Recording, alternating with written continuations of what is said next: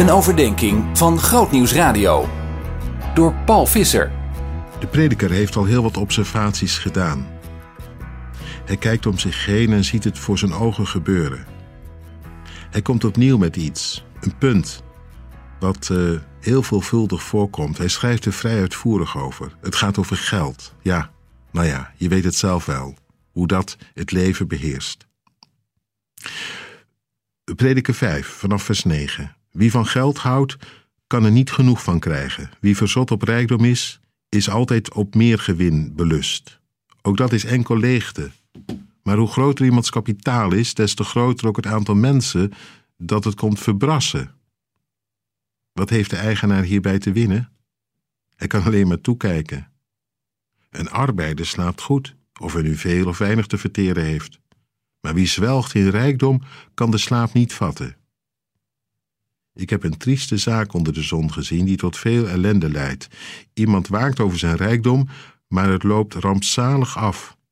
Want één tegenslag vaagt al die rijkdom weg. De zoon die hij verwekt heeft, blijft met lege handen achter. Naakt is zo iemand uit de moederschoot gekomen. Even naakt keert hij terug. Niets van wat hij heeft verworven en in handen dacht te hebben, neemt hij mee. Het is ook dit, triest en ellendig. Maar zoals hij is gekomen, zo keert hij terug. Wat is het voordeel voor de mens dat hij zwoegt voor de wind? Alle dagen van zijn leven brengt hij door in duisternis. Heel zijn bestaan is vol ellende en verdriet en vol ontevredenheid. Ja, ik hoef er eigenlijk niet zoveel aan toe te voegen. Het is zo duidelijk als wat. Herkenbaar ook, hier en daar. Althans, wie ziet het niet, om zich heen en soms tot in zijn eigen leven toe, dat je er maar niet genoeg van kunt krijgen, van meer winst. Het is nergens voor nodig. Maar ja, het is je ambitie. Je krijgt er niet meer genoeg van. Verzot op rijkdom. Ja, ook dat. Het kan je zomaar te pakken krijgen. De God van het geld, de mammon in de Bijbel. Een God die je opjut en weinig rust gunt. Je weet het zelf het beste. Het bezorgt je soms slapeloze nachten, die God. Want ja, hoe investeer je op zo'n manier dat je er het meeste rendement uit haalt? Wat een zorg. Een arbeider heeft daar geen last van, die kan zomaar slapen als een roos als die een dag gewerkt heeft. Maar jij?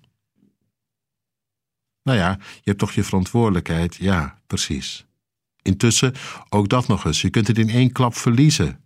Ik denk aan dat verhaal wat ik een tijdje geleden hoorde, de vader van Bonheuver.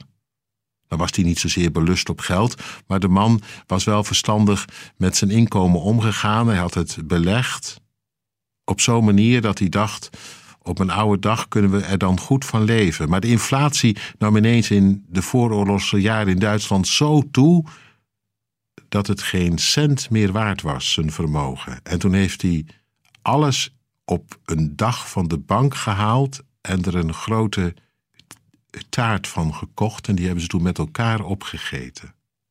Dat was er van over. Nou ja. Sowieso, zegt de prediker, kun je het niet meenemen. In een doodshemd zitten geen zakken. Je kent de uitdrukking wel. Maar het klopt natuurlijk als een bus.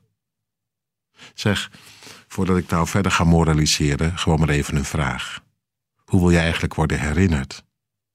Als een mens die alleen maar bezig was met meer winst en rendement.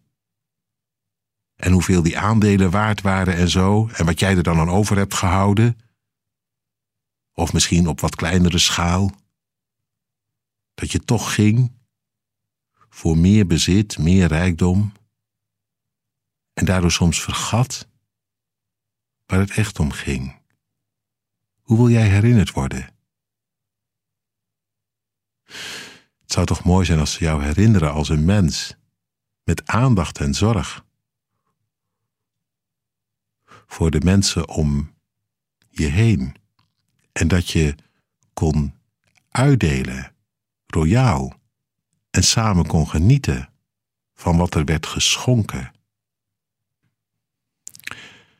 Dat is het omgekeerde van die man waar de prediker het over heeft, die met leden ogen aanziet als anderen op een feestje het er goed van nemen en daarmee zijn geld verbrassen.